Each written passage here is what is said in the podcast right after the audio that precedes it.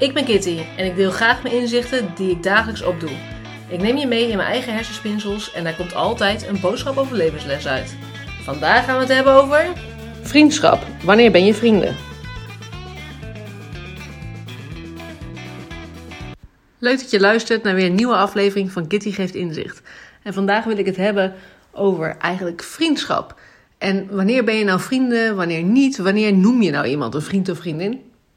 En ik weet nog heel goed dat vroeger, vroeger gaan we weer, uh, ik op de basisschool zat. Zelfs op de basisschool zelfs al volgens mij. En dan was het echt uh, hartsvriendinnen, best friends forever. En dan hadden we weer een kettingje. En dan had de ene de ene helft en de andere de andere helft.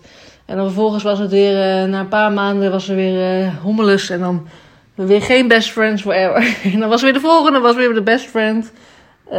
hoe turbulent dat dan allemaal ging. En nu ik ouder ben, ga je ineens nadenken. Of in ieder geval, deze week ging ik ineens nadenken van ja. Wanneer noem je nou iemand een vriend? Wanneer noem je nou iemand een kennis? Wanneer noem je nou iemand een. Uh, nou, niks. Uh, waarom ook überhaupt die labels natuurlijk.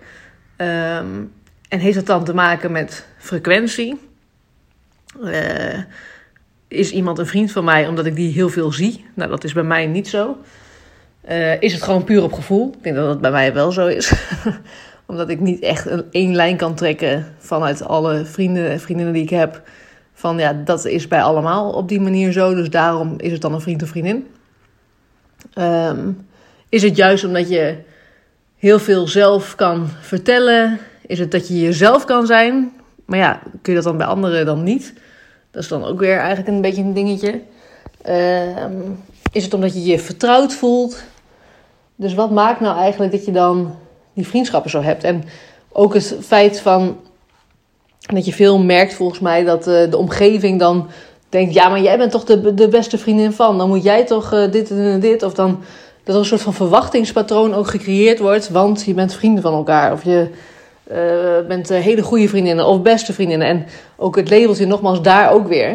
Van wanneer is dan een beste vriendin en wanneer is dan een vriendin. En de beste zou je denken van, dat is het niet meer beter dan dat. Dus, dus dat betekent dat er geen anderen zijn die dan op hetzelfde niveau zijn. Terwijl ik juist merk dat ik juist heel veel verschillende soorten vriendschappen heb. En mensen heb die gewoon mij heel dierbaar zijn. Ik denk dat dat bij mij wel de algemene deler is van vrienden. Tenminste, wanneer ik ze dan vrienden noem. Uh, dat het mensen zijn die gewoon heel dierbaar zijn. En ik denk dat iedereen weer anders omgaat met contacten. Ik ben iemand ik hoef niet iedereen, uh, of al mijn vrienden, iedere week te zien. Uh, maar ik uh, spreek er genoeg op regelmatige basis. En dan is het hartstikke leuk dat je inderdaad betrokken bent in elkaars leven. En dat je een beetje weet wat er speelt, et cetera. Maar ik heb ook vriendinnen waarvan ik denk, ja, die spreek ik misschien soms een hele tijd kan ik ze niet spreken. En dan spreek ik ze wel weer en dan is het ook gewoon gelijk goed. En ik weet gewoon, als er wat is, kan ik altijd naartoe. leuke dingen zal ik altijd delen. En uh, als er behoefte is, kun je ook altijd uh, met ze zijn. En gewoon, het is, als je elkaar dan weer ziet, gewoon altijd weer vanouds en goed en, uh, en fijn. Terwijl het toch heel bijzonder is, omdat als je elkaar een tijd niet spreekt dan kan het leven van allebei wel een hele andere kant op gaan. Terwijl ja, toch die basis dan nog goed blijft na al die jaren. Ik ben gewoon heel benieuwd. Wat, uh, wat is bij jou de gemene deler? Wat maakt dan iemand een vriend of een vriendin of vriendschap? Wat, wat betekent dat voor jou?